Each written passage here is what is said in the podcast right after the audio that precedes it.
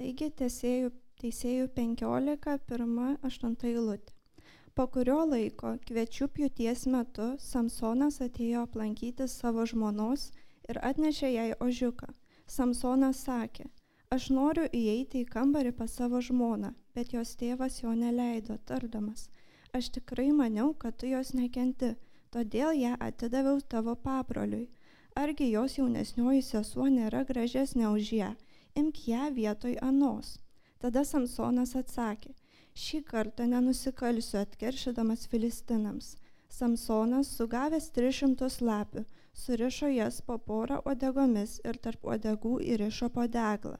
Uždegęs deglus jis paleido lapes į filistinų javus. Taip jis padegė javų pėdus, nepjautus javus, vinogynus ir alyvmedžių sodus. Filistinai klausė, kas tai padarė, jiems atsakė, Samsonas, Timniečio žentas, keršydamas už žmonos atidavimą pabroliui. Atėję filistinai sudegino ją ir jos tėvą. Samsonas jiems tarė, nors jūs tai padarėte, nurimsiu tik tada, kai jums atkeršysiu. Jis smarkiai puolė juos ir sulaužęs jų blaustų ir šlaunų kaulus, nuėjo į etamą ir apsigyveno ant uolos. Tai buvo Dievo žodis, galime sakyti Amen.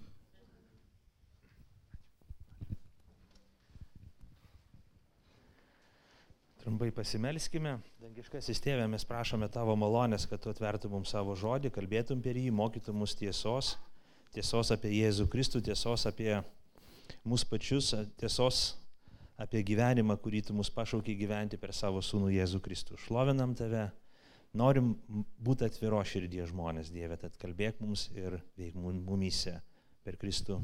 Amen.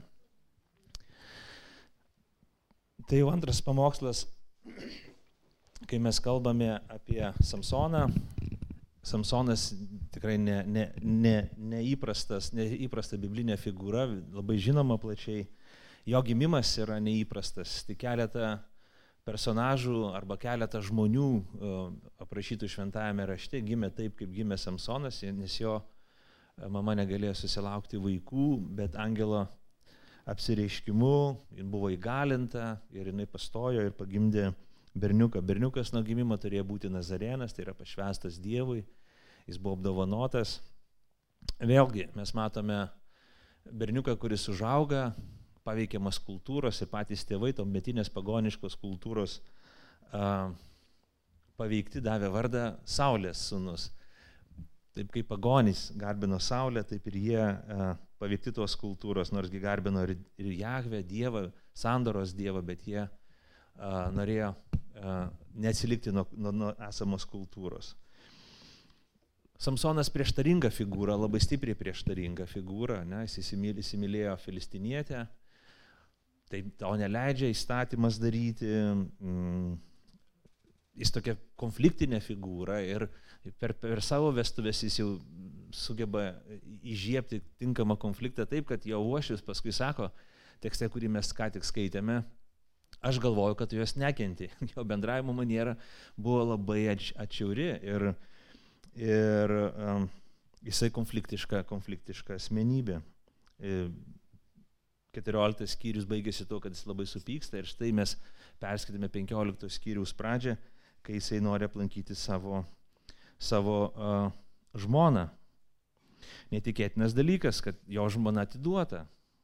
Ir tada uošvis sako, aš tau duosiu savo kitą dukrą, daug gražesnę. Nepergyvenk dėl ano žmonos, duosiu kitą. Samsonas neklauso, žiūrėkim, čia jo bruožas, charakterio bruožas. Jis neklausė tėvo, kuris jam davė patarimų, jis neklauso ir, ir uošvio, kuris jam duoda patarimų, bet jisai pasiduoda emocijai, pasiduoda pykčiui, jis pasiduoda kerštui. Net tris kartus šitoj perskaitytoje ištraukoje E, trečioji lūtėje, šeštoji lūtėje, septintoji lūtėje jisai kalba apie kerštą. Tai demonstruoja tam tikrą jo asmenybę, jisai rodo tam tikrą jo charakterį, jo nebrandą, jo, jo tužmingumą. Jisai kerštaujantis asmuo. Kerštas nėra brandžios asmenybės ženklas. Tai nėra dievotos asmenybės ženklas. Šventas raštas mus moko, kad nekerštaukime patys, bet palikime kerštą Dievui, nes mūsų pyktis nepadaro teisingumo, nevykdo, net stato tiesos taip, kaip galėtų atstatyti, kaip mes kartais galvojam, kad atstatysim, bet to sako, palikim Dievui. kerštą atlikti, nes jis padaro tai teisingai, jis padaro tai ir su rūstybė, ir su gailestingumu bei malonė, pasigailėdamas visų žmonių kaip įmanoma tos sudėtingose situacijose. Bet ne Samsonas, Samsonas kerštauja. Jo kūryba irgi netikėtina, sugalvoja kerštą sugauti 300 lapių. Aš neįsivaizduoju, kaip pagauti vieną lapę, jis sugauna 300 lapių, jas suriša poromis ir įdeda uh, šitą uh, deglą prie jų odegų. Aš nesuvokiu, kaip tai įmanoma padaryti, bet jis tokį, tokį triuką sugalvoja ir paleidžia. Suprantama, lapės bėga į savo urvus, lapės išsigandusios padega uh, piūčiai prinokusius kviečius ir visus sodus. Atneša netikėtinų nuostolių per žinias greičiausiai ši, šitas reportažas būtų rodomas, nežinau, mėnesį laiko, e, būtų nacionalinė nelaimė paskelbta visoje šalyje. Panašiai ir vyksta. Filistinai į tokį ekonominį, e, vadinkim, greunantį veiksmą Samsono, nes tai iš principo šiaip tai, tai didžiuliai ekonominiai nuostoliai agrariniai kultūrai prarasti metų derlių, tai yra ir labai pavojingas dalykas, labai rizikingas dalykas. Jie ne, nelieka skolingi, sudegina Samsono žmoną ir tėvą. Savo tautiečius jie sudegina. Ir Samsonas tada be abejo, sako, aš dabar jau turiu teisę kerštauti dar labiau. Ir jisai tų žmonių užpuolęs juos uh, sulaužo kojų kaulus.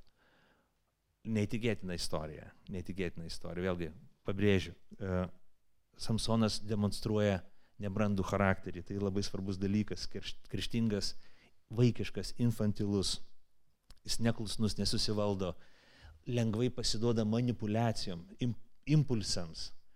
O tai, tai atveda mus į žlugimą. Daugybę problemų mes savo gyvenime sukuriam tuomet, kai mes nesugebam valdytis. Lygiai taip ir Samsonas. Jeigu mes istoriją skaitysime toliau, žiūrėkime, nuo devintos eilutės, E, aprašoma tai, kad Samsonas pasitraukė ir pradeda gyventi e, ant, ant olos. Filistinai surengė kariuomenę, sako, nu viskas, iš to vyruku reikia jau tvarkytis. Jie atsiunčia kariuomenę ir sako, mes dabar jau jį išrūkysim iš tų kalnų, kuris ten yra. Ir labai įdomu tai, kad Dievo tauta, Dievo tauta uh, izraelitai, Samsono gentainiai, išeina su kariuomenė pasitikti Filistinų kariuomenę, sako, kas čia nutiko, kodėl jūs čia prieš mus išėjote. Ir filistinai sako, mums reikia Samsono. Įdomus daiktas, kad Dievo tauta sako, o gerai, mes paimsim Samsoną ir jums atvesim. Jie prisertina prie kalno, žiūrėkim, kuriame gyveno uh, Samsonas 11 eilutė ir sako, tada 3000 judo vyrų atėjo prie Tamo uolos ir klausė, klausė Samsoną, argi nežinai, kad mus valdo filistinai, kodėl tai padarėjai? Jis atsakė, kaip jie man padarė, taip aš jiems padariau. Čia vaikai darželį, pirmos klasės kažkoks lygis. A, jis man tai padarė, aš jam tai padariau. Aš negaltas, jis pirmas pradėjo. Judo vyrai tarė, mes atėjome tave surišti ir atiduoti filistinams.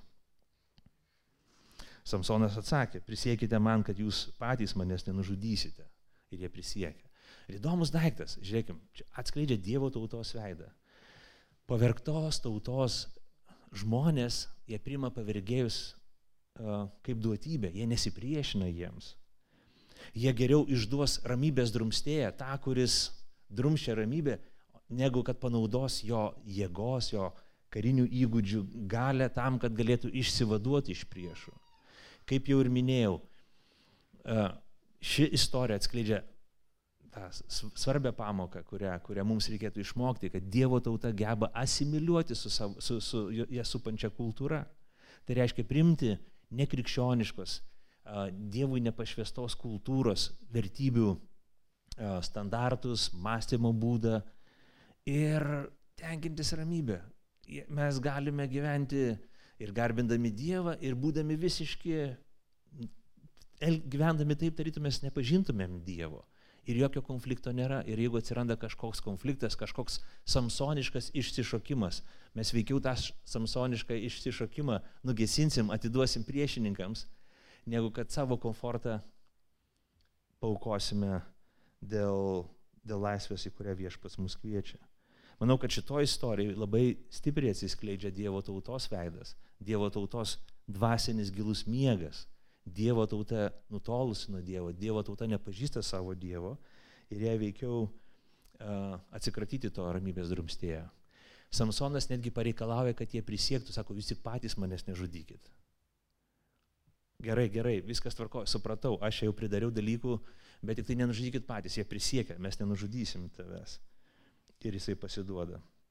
Aišku, 14 lūtai kalbama, kad prie Lehio filistinai pasitiko jį šaukudami iš džiaugsmo. Taip, filistinai pamato, kad atvedamas Samsonas surištas stipriomis virvėmis, jie džiugauja, džiaugsmas, visi, visi džiaug, džiaugiasi.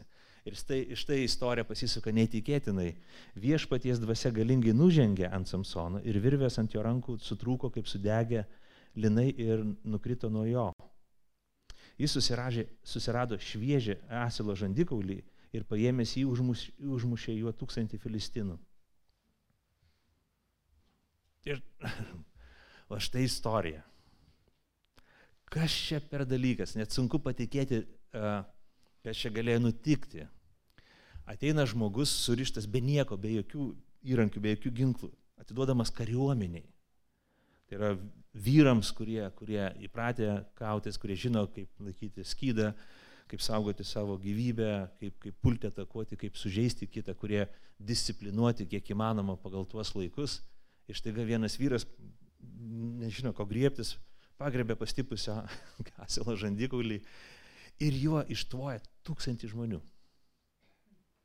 Ar įmanoma tai, to patikėti, ar įmanoma tai žmogui padaryti? Ne, neįmanoma tai žmogui padaryti. Viešpaties dvasia galingai nužengė. Ir štai kokia jėga pasireiškia per Samsoną. Jisai kaunasi ir vienas įvykė visą kariuomenę. Kiek toje kariuomenėje žmonių buvo, mes nežinom, bet jisai paguldo tūkstantį, tūkstantį žmonių. Štai kokia gale, štai kaip viešpaties dvasia, viešpats, pats viešpats apdovanojo Samsoną, kad tokia gale jisai galėjo pasižymėti. Vienas žmogus įvykė tūkstantį žmonių.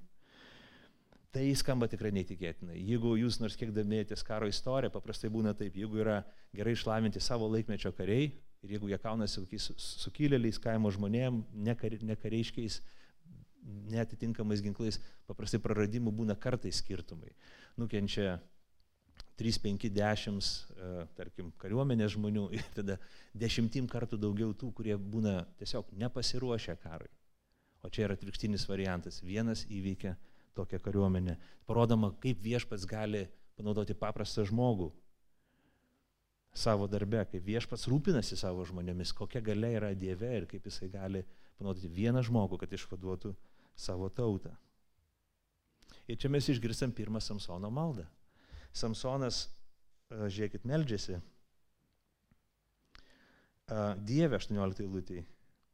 Šaukėsi viešpatė, sako, tu man davėjai, tu davėjai man šitokią pergalę, dabar mirštų iš troškulio ir pateksiu nepipjaustytų rankas. Pasirodo, jis kovėsi, kovėsi, kovėsi, bet neturėjo gertuvės su savimi vandens. Ir niekur nebuvo jokio kavos aparato, kioskelio ir supermarketo. Jis negalėjo atsigerti. Ir šulinė nebuvo. Ir pirmoji malda, apskritai, kai, kai, Samsonas meldžiasi, mes, mes dabar tik tai perskaitom ją ir tai yra skundas. Vėlgi demonstruoja tam tikrą jo charakterį, jo temperamentą, jo nekantrumą.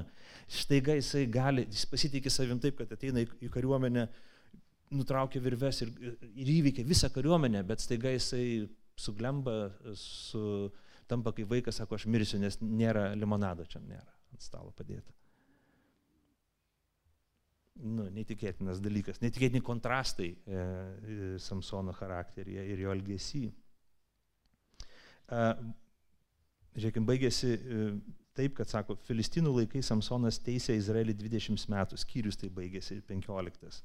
Čia labai įdomi, įdomi detalė ir mintis kad Samsonas taip ir neišvadavo uh, Izraelio iš Filistinų valdžios. Faktiškai visi teisėjai, daugiau mažiau, išvaduodavo uh, žydų tautą iš okupantų valdžios. Vienintelis uh, Samsonas taip ir netliko šitos misijos, neįgyvendino jos. Jisai buvo teisėjas esant filistinams valdžioje. 20 metų jisai teisė Izraelį, bet per tos 20 metų jokio pokyčio neįvyko. Galbūt atsirado šioks toks konfliktas tarp izraelitų ir filistinų. Dar vienas svarbus dalykas, Samsonas lieka vienas, jis yra vienas. Jis neturi kariuomenės. Čia irgi skiriamasis Samsono bruožas, visi teisėjai kažkokiu būdu suburdavo kariuomenę, būdavo paskiriami, turėdavo pasitikėjimą tautoje. Netgi kairiarankis Ehudas, kuris buvo tarytum atmestinas žmogus tuometiniai visuomeniai ir kultūrai, jisai jį pradėjo sekti minios žmonių, kariuomenė, Izraelis pradėjo sekti jį, nes mato, kad tai yra sektinas pavyzdys.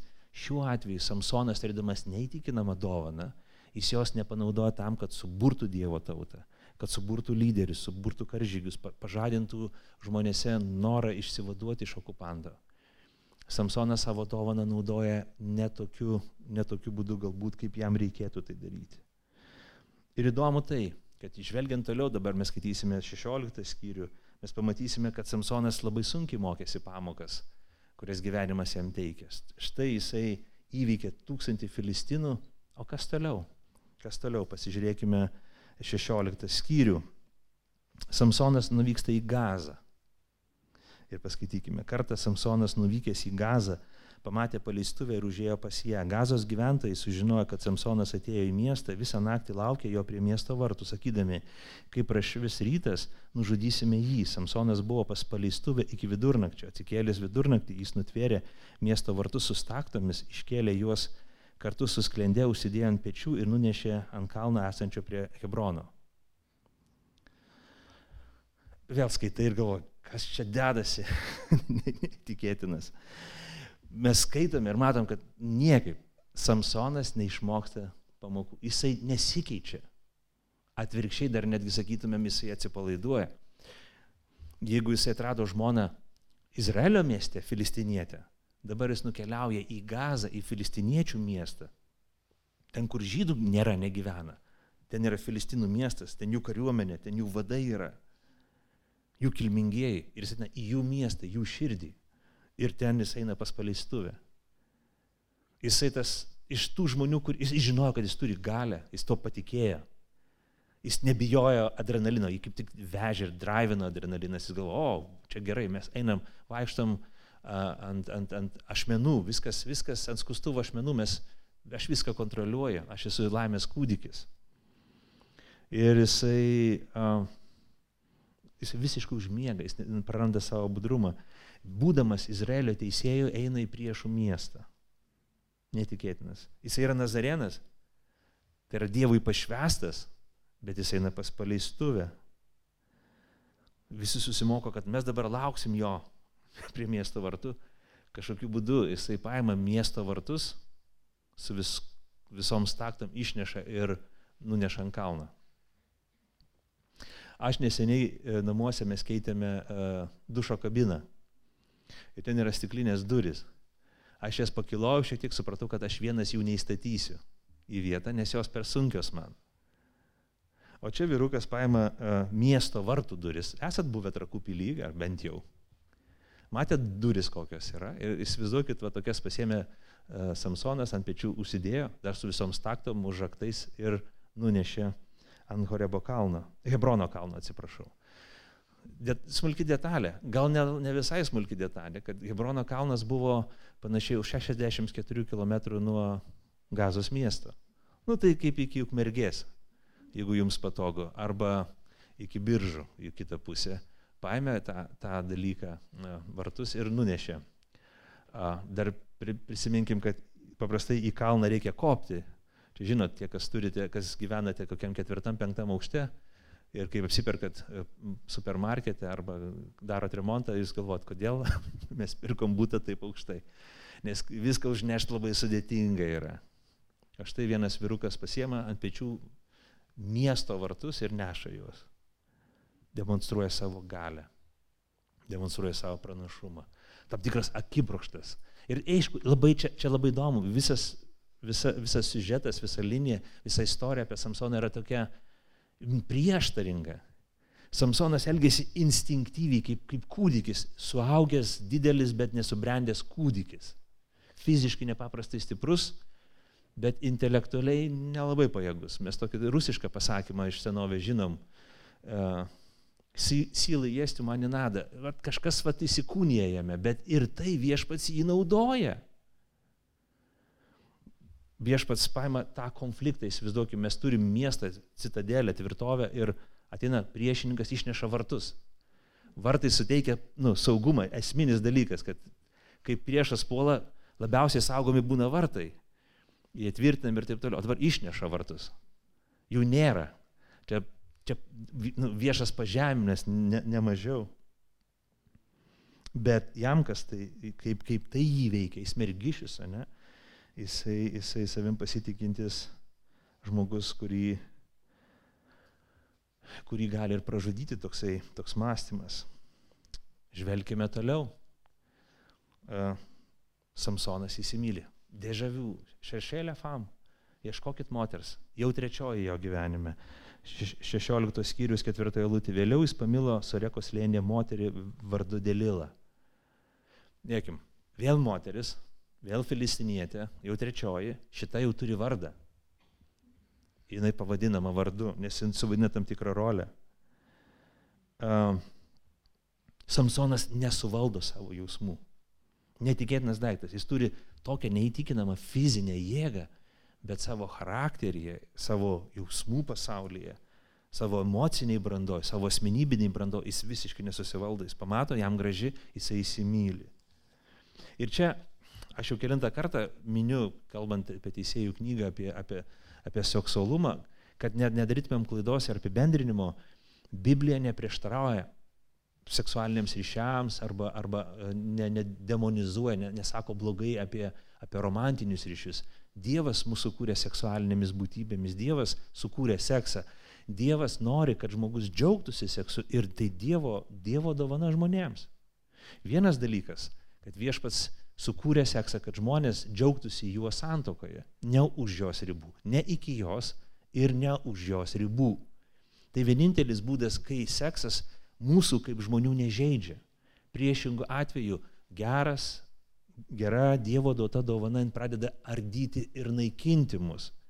Jeigu mes ją naudojamės ne taip, kaip viešpats parėdė ir, ir nu, nu, nustatė.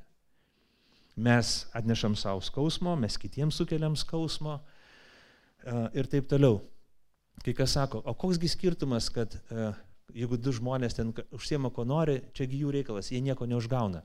O, patikėkit manim, seksas pradeda gyvybę. Ir kai gimsta vaikai nesantokai, mes jau skaitėm kai kuriuose istorijose, kai, kai iš, iškildavo lyderiai, kurie būdavo pilni tų, tų, tų žmumo ir, ir, ir, ir nevisavertiškumo, dėl to, kad jie augo kaip atmestieji, atstumtieji, nesantokai, nesantokiniai vaikai. Tai atneša daug skausmo, daug liūdėsio, daug, daug sielvarto žmonių gyvenime, daug prakeiksmo. Ir viešpats kalba, Dievo žodis kalba labai pozityviai apie seksą, bet kalba apie tai, kad mes jį turėtumėm teisingai naudoti. Samsonas visiškai nesivaldo, jisai ne, ne, nesilaiko taisyklių tų, kurias viešpats nurodo savo žodyje. Jisai įsimylį moterį, įsimylį uh, svetimtautę. Labai įdomus dalykas, vyksta toksai sandoris ir Delila, jinai penktame, penktoje lūtėje sakoma, jin padaro sandorį, žiūrėkim. Atėjo filistinų kunigaikščiai tarė jai, matyt visi sužinojo, kad Samsonas įsimylėjo tą moterį. Sužinok iš Samsono, kur glūdi didelės jo jėgos paslaptis ir kokiu būdu jį galėtume nugalėti ir surišti. Mes tau duosime kiekvienas po 1100 sidabrinių. Ir sekančiai lūtėjai sekančiai lūtė, kas vyksta, Dėlila klausė Samsono, pasakyk man, kur glūdi tavo didelės jėgos paslaptis. Neįtikėtinas dalykas, ne? Žiūrėkim, Samsonas net nejutė, kad tarpusavio santykiai, ta meilė buvo tik vienpusė iš jo pusės, jisai užsidegė aistra tai moteriai, o ta moteris, jinai buvo gera dėrybininkė. Jis gavo pasiūlymą ir galvojo, o, oh, come on, Samsonas, jisai nepatikimas, Samsonas laikinas, jisai superžvaigždė, neigiama prasme, bet vis tiek labai populiari. Ir už jį galiu gauti sidabrinių. Kas geriau, ar nepatikimas Samsonas, ar sidabriniai? Su sidabriniais aš dar galiu gauti ir tam tikrą šlovę. Aš galiu tapti populiari. Taigi, žiūrėkim, Samsonas, kaip pastebėtimas kelleris, ir Delila, jie, jie ten nėra jokių, jokio intimumo nėra tarp jų, jų santykiuose. Kiekvienas nori gauti kažką. Samsonas pas Delilą ateina dėl to, kad nori pramogų, nori, nori sekso ir jisai nori adrenalino, jisai nori konflikto, jisai nebijo, jisai eina į priešų į nasrus. Tai tarytum jį užveda, tai tarytum jam duoda tam tikrą motivaciją gyventi, jis eina pas priešų, jis nebijo. E, Dalila gauna ką? Dalila gauna pinigus. Ir greičiausiai, jeigu jinai įduos Samsoną, jinai bus taip pat ir įžymybė, nes jinai bus kaip savotiška savo tautos Debora, kuri įveikė Samsoną visgi ir įminė jo, jo paslapti. Jokio intimumo, jokių ryšių, tik tai tokie, kaip sakyt, e, sausi, brutalūs, savanaudiški išskaičiavimai. Ir Delila pradeda, pradeda savo darbą, pradeda klausinėti, nu tai kas ten tavo, kokia ten paslaptis. Ir Samsonas pradeda žaisti tą žaidimą. Bet Delila, jinai gera dėrybininkė, gerai skaičiuoja pinigus, iš kiekvieno kunigaikščio gaus po 1100 sidabrinių, kiek tų kunigaikščių ten atėjo mes nežinom. Jis skaičiuoja ir, ir sapnuoja, galvoja, kur išleisiu pinigus, kur investuosiu. Ir jinai klausia, vis klausia. Ir Samsonas atsako, septintojo lūtė, jei mane surištų septynėmis virvėmis iš gyslų, kurios dar nėra žuvusius, būčiau toks pat kaip kitas žmogus. Padaro, nepavyksta. Trečias, antras kartas, jei mane surištų visai naujomis virvėmis, kurios dar nebuvo panaudotas, tada aš neturėčiau jėgų. Pabando, nepavyksta. Delila labai nervinasi dėl to ir mato kaip patyčias, kaip tokį nepasitikėjimą. Trečią kartą reikalauja, jei supinsi septynės mano galvos garbanas trijų eilutė į kasas ir prikalsi vienimi, aš tapsiu toks silpnas kaip mu. Jau trečią kartą Samsonas eina arčiau, ne tik apie virvės kalbą, bet kalba apie plaukus. Ir galiausiai vėlgi nepavyksta. E, ir tada jau Delila paima sunkiausią artileriją, jinai pris, prispaudžia jį, 16 eilutė davė, sakai, jį nedavė jam ramybę savo kalbomis ir primiktinai klausinėdama taip jam įkyrėjo, kad jis pasakė visą tiesą. Bet žiūrėkime vėl, e, Delila manipuliuoja Samsonu kaip kūdikiu, kaip mažu vaiku. Sako, tu pasityčiai. Tris kartus, žiūrėkit, čia patyčių programa, iš principo mes galėtume į mokyklą atnešti, sako, tu pasityčiai. Tris kartus jinai paminė to žodį, tu pasityčiai, pasityčiai, pasityčiai. Jinai, iš principo, jinai nori apgauti Samsoną, bet kai Samsonas nepasako tiesiog, kad tu iš manęs tyčiojasi, patyčios. Ir programa suveikia. Samsonas palūšta, sandoris įvyksta, Samsono širdis net laiko, jis pasipasakoja svetimai moteriai, svetimos tautos moteriai savo paslapti. Jis pasako, mano galva niekada nebuvo skusta, nes aš esu pašvestas Dievui nuo pat gimimo. Jei man nuskustų galvą, tai netekčiau jėgos ir tapčiau silpnas kaip bet kuris kitas žmogus. Delila pamatė, kad jis atvėrė jai širdį ir pašaukė e, vyresniuosius kunigaikščius. Tie atneša pinigus, sandoris įvyko, Samsonas užmigdamas Delilą ant kelių. Aš neįsivaizduoju, kokiam ten kambaryje būdavo, nes ten kambarį būdavo pasislėpę šitie a, filistinų kariai. A, neįsivaizduoju, kaip ten jie gyveno žmonės tais laikais, skamba šiauriai, bet kai jis užmiega, pakviečia, pakviečia žmogų, tasai nukerpa plaukus, septynės galvos garbanas ir jo jėga dingo. 19 eilutė sako įtarė eilinį kartą, sako, Samsonai, filistinai puola, pabudęs iš miego jis galvoja, kad bus taip kaip anksčiau, bet jis nežinojo, kad viešpats pasitraukė nuo jo. Net kaip filmas, žiūri kaip kokį neįtikėtinai įtemptą, įtempto sižeto filmą. Tu skaitai ir galvoji, Samsonai, nekalbėk, nebekalbėk, išeik, bėg, dabar rauk, varyk, nešk vartus, ką tu nori pasimti, akmenis, kokius, kažką nešk, kad tau būtų biškai adrenalino, bėg, bėg. Bet Samsonas eina, eina gilyn, gilyn ir galiausiai jisai paskesta. Samsonas net nepajuto, kad jėga pasitraukė. Nukirpo plaukus, jis net nepajutė, kad įvyko pokytis.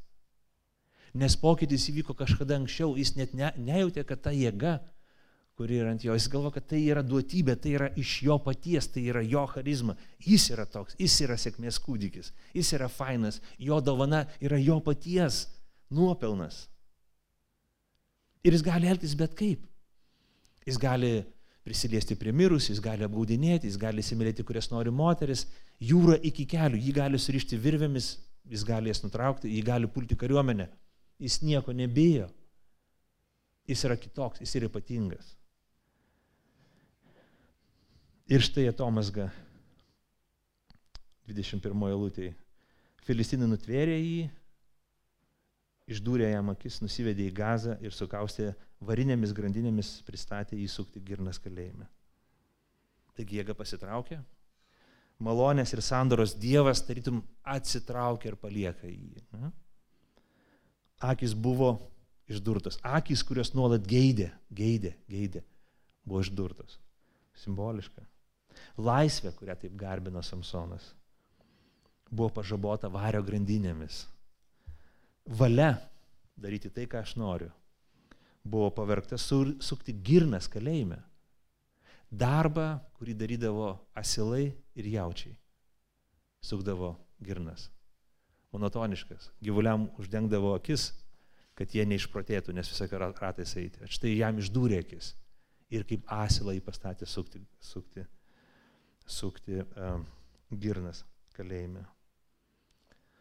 Kiekvienas žaidimas su nuodėme turi savo pabaigą. Kiekvienas tiesos Dievo žodžio nepaisimas turi savo pabaigą. Kiekvieną kartą, kai mes sula, su, sulaužom Dievo žodį, kai nepaisom Dievo žodį, kai elgiamės pagal savo valią, mes dėje, bet sulauksim atlygio. Atlygis už nuodėmę yra mirtis, sako Dievo žodis. Samsonas prieina savo liepto galą.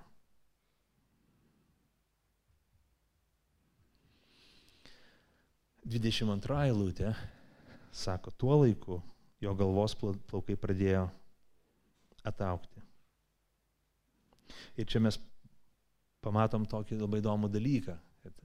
Čia tokį epizodą mes matom, kad Samsonas arba viešpats nori paruošti Samsoną ir kiekvieną skaitytoją paskutiniai kovai.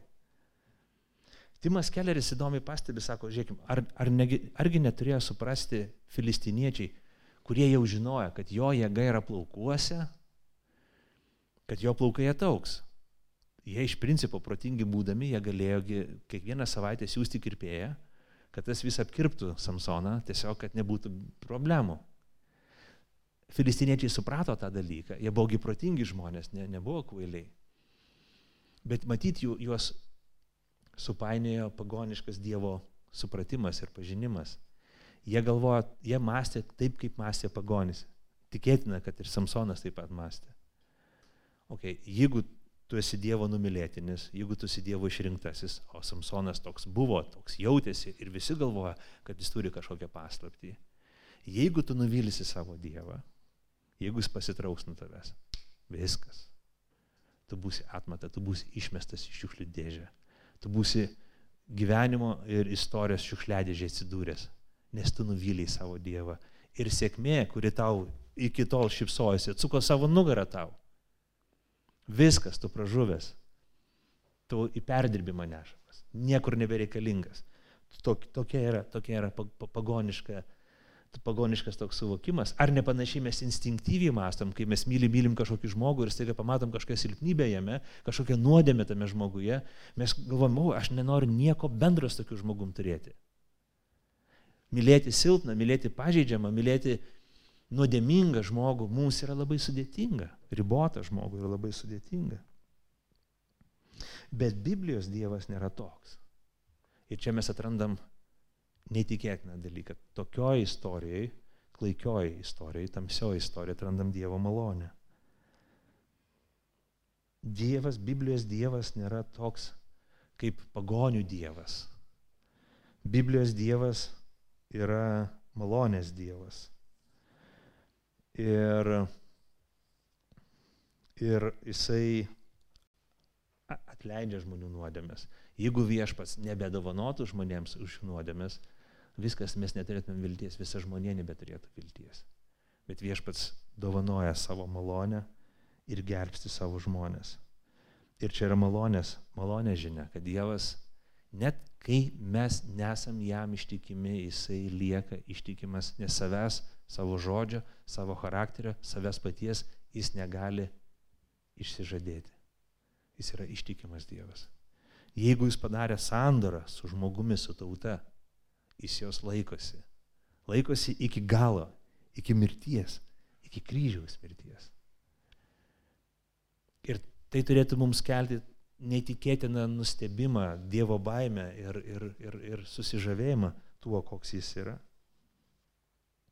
Visai netrukus e, prasideda šventė Dagono šventykloje.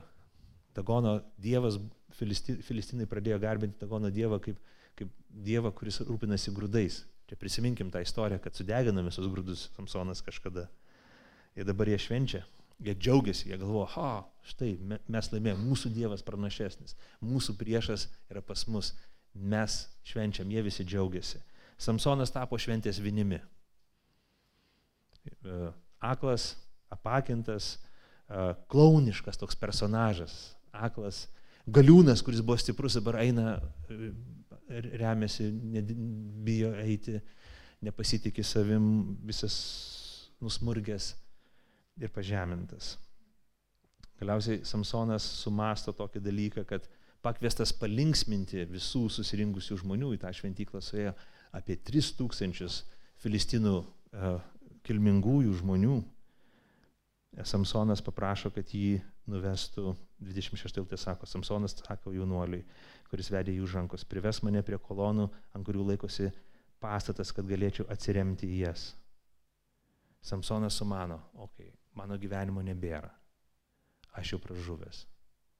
Kažkurios dalykus, kažkurių dalykų aš neišmokau anksčiau, bet dabar pradedu suprasti, kodėl ta jėga man buvo duota ir ką aš dariau ne taip.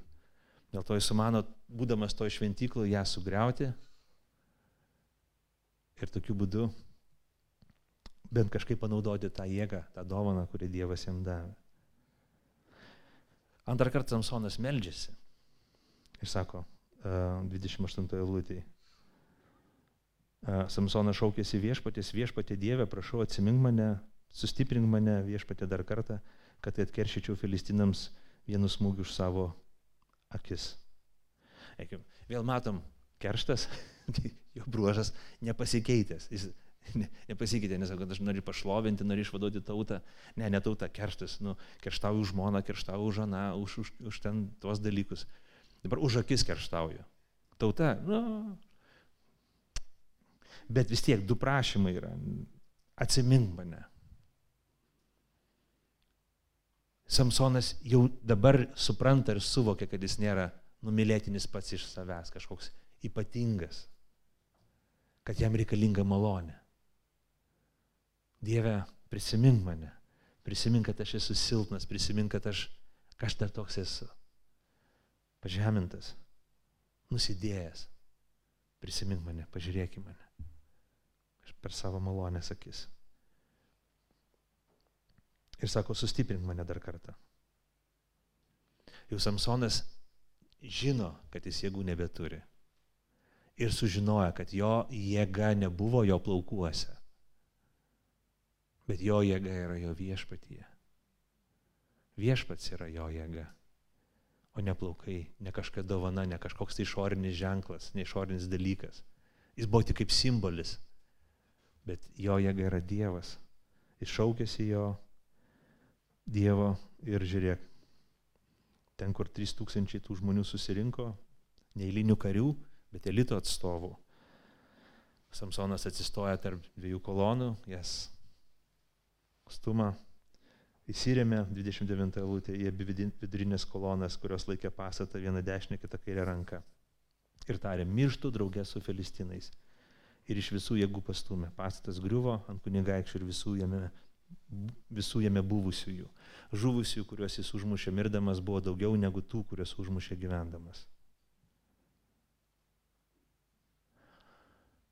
Pirmasis teisėjas Izraelio istorija, kuris žūsta kuris neišvaduoja tautos, bet žūsta pats. Jis taip ir neišvadavo tautos iš Filistinų, bet Dievas pradėjo išvadavimo darbą. Neįtikima tai, kad Hebrajam laiške uh, Samsonas yra laikomas kaip tikėjimo herojus. Hebrajam 11 skyrius 32 eilutė parašyta. Jis paminimas prie Gideono, Barako, Samsono, Jeftės, Dovido, Samuelio ir pranašų. Jisai vienas iš jų vardinamas. Aš manyčiau, kad galbūt tas paskutinis jo veiksmas buvo tikėjimo veiksmas. Iki to laiko jis elgėsi arogantiškai, bet kai galiausiai jis buvo apakintas savo nuodėmės, nuodėmių pasiekmėse, tūnantis žmogus, jis suprato, kad tik tai Dievo malonė gali jį dar kartą panaudoti dėl tautos išvadavimo. Ir jis tai daro. Aš kviečiu pažiūrėti, paieškoti Kristaus šito istorijai. Šitą istoriją netikėtinai tragiška, bet mes negalim būti akli nepamatyti, kiek daug paralelių yra su, su Kristaus istorija, su Evangelija. Paulius laiškė romiečiams kalba, kaip malonė ir nuodėmė veikia ir sako, ten, kur daug nuodėmės, ten daug malonės. Ir šitoje istorijoje mes matom daugybę nuodėmės, daugybę charakterio įdų, kurias, kurias, kurios, kurios veši Samsono charakterį, jo širdį ir gyvenime. Bet lygiai tuo pat metu Dievo malonė apsireiškia tam, kad išvaduotų ne tik tą patį Samsoną, bet ir tautą. Tai pažiūrėkim, kuo panašus, kuo skirtingi jie e, Kristus ir Samsonas. Samsono gyvenimo uh, drivas, variklis buvo gaiduliai, aistros. Kristus visiška priešybė, jį vedė Dievo meilę ir jisai buvo ištikimas Dievui. Uh, Samsonas sulaužė visus priesakus, kuriuos tik įmanoma. Jis nesilaikė visų Nazareno įžadų, jis nesilaikė Dievo sandoros įstatymo, jis elgėsi kaip bedievis. Kristus buvo ištikimas visame kame, vis, išlaik, išpildė visus įstatymo reikalavimus. Ir buvo ištirtas ir jame nerasta nei vienos klaidos. Didžiuliai kontrastai. Uh, Žiūrėkime įdomu, kad ir Samsonas, ir Kristus buvo išduoti. Buvo išduoti artimųjų. Samsonas galvoja, kad jis myli tą moterį ir galvoja, kad ta moteris myli jį, bet moteris jį naudojo kaip siūlą apie, pirštą viniojo ir jį pardavė už sidabrinius. Lygiai taip pat Kristus tarnavo savo pašauktiesiems dvylikai paštalų ir vienas iš jų už sidabrinius pardavė viešpatį. Labai panaši istorija. Ir vienas ir kitas buvo pažeminti. Samsonas buvo pažemintas viešai, išdurtas akis, klaunas paverstas, toksai pajacas duotas pajokai visai e, priešų tautai ir elitui. Lygiai taip pat Kristus. Buvo nuteistas žydų teis, teisme, pas pilotą, erodo išsityčiotas gatvėje, buvo apjuoktas, išjuoktas minios tų pačių žydų ir lygiai taip pat romėnų karių. Abu buvo pažeminti, abu ragavę tos, to pažeminimo. Labai įdomu, kad Samsonas vienas įveikė kariuomenę. Vienas įveikė kariuomenę. Jeigu mes žiūrėsim teisėjų knygą, žiūrėkit, čia labai įdomus dalykas. Pradžiai e, pakyla teisėjas, lyderis, vadovas ir jisai įkvėpia tautą ir tada tauta kariauna. Paskui mes randam Gideoną, kuris surenka 10 tūkstančių karių, paskui ją sumažina iki 300 karių ir jie ten su dūdom ir, ir, ir prožektorius eina kariauti prieš, prieš kariuomenę ir laimi. Neįtikėtinai. Galiausiai uh, paskutinis teisėjas vienas įvykė kariuomenę. Teisėjų knygos autoris kalba tokį dalyką, kad Dievui nereikia žmonių, kad išgelbėtų savo tautą. Pats Dievas gelbsti savo tautą. Jis per vieną žmogų gali ją išgelbėti. Vienas Samsonas įskėlė tą konfliktą ir kariavo prieš Filistinus lygiai taip pat ir mūsų viešpats Jėzus Kristus.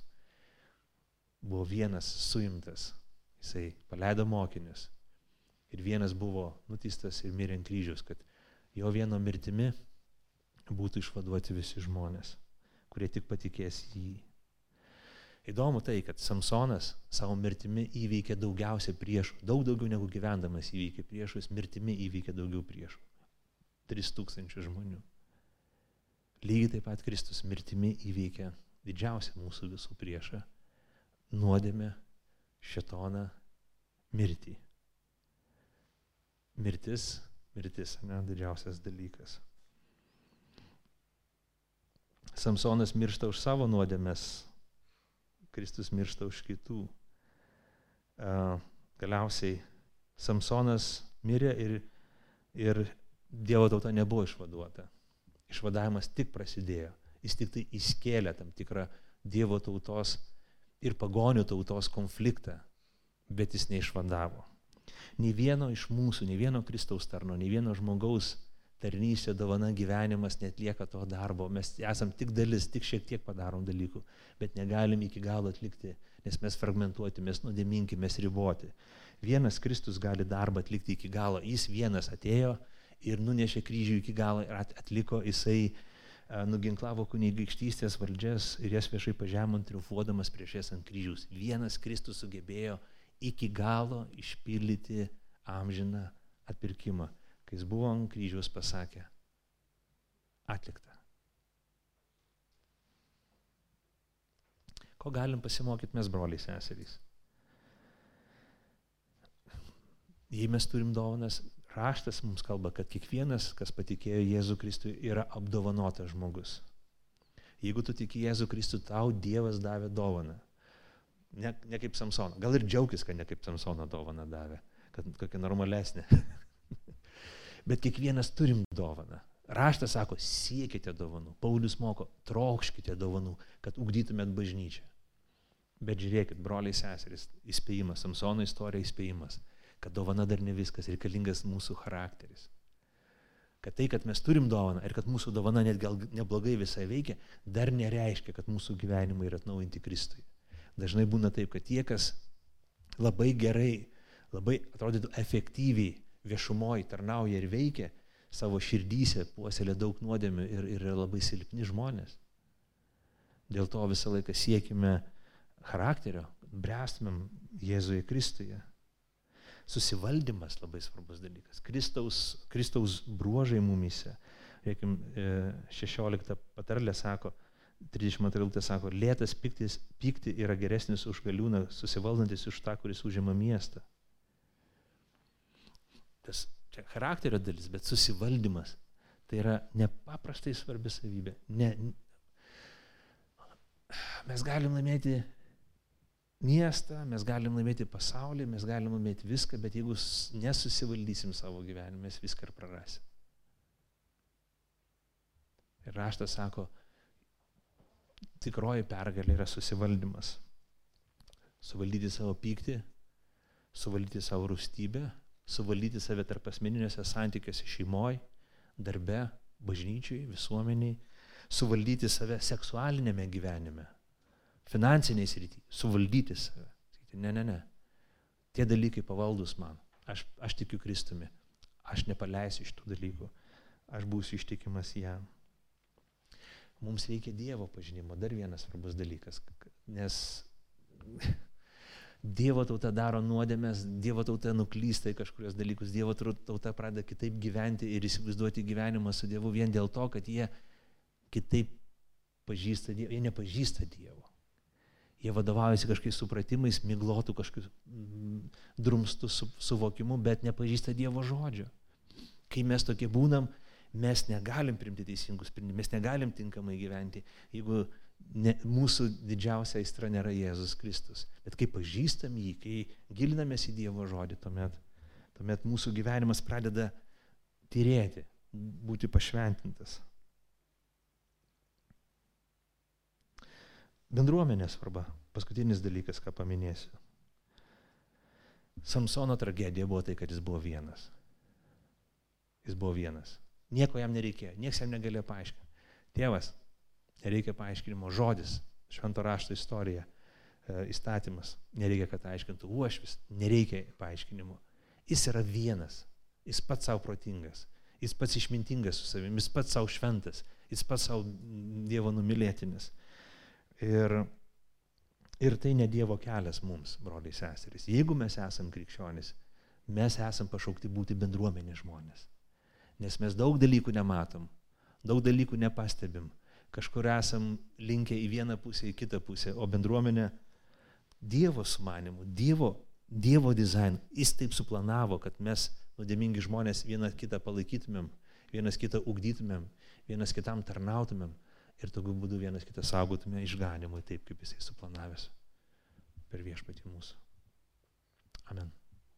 Pakilkime maldai. Dangiškasis tėvė, mes dėkojam tau už tavo malonę, už žodį. Dėkojam už ilgą istoriją, tragišką istoriją, prieštaringą istoriją apie Samsoną ir padėk mums pamatyti šitoj visoj sunkioj kraujo pilnoj istorijai, nuopolį ir nuodėmės pilnoj istorijai ir tavo malonę. Malonę, kuri keičia, malonę, kuri transformuoja, malonę, kuri pamoko mus ir ugdo. Meldžiam Dievę, kad mes išmoktumėm savo skirtas pamokas Dievę dėl charakterio, dėl dovanų naudojimo, dėl bendromeniškumo, dėl, dėl to, ką tu nori padaryti mumyse, mūsų širdyse viešpatie, kad mes labiau pažintumėm tave ir kad tas pažinimas transformuotų ir iš esmės keistų mūsų širdis, mūsų gyvenimus Dieve. Mes nenorim tik vadintis tavo tauta, mes norime būti ją, mes norime gyventi šviesą, norime, kad ta šviesa mus maitintų, kad ta šviesa galėtų dalintis kiti žmonės, broliai, seserys, pažįstami, tikintys ir tie, kurie dar tavęs nepažįsta. Šito mes prašom per mūsų viešpatį Jėzų Kristų. Ir visi sakome, Amen.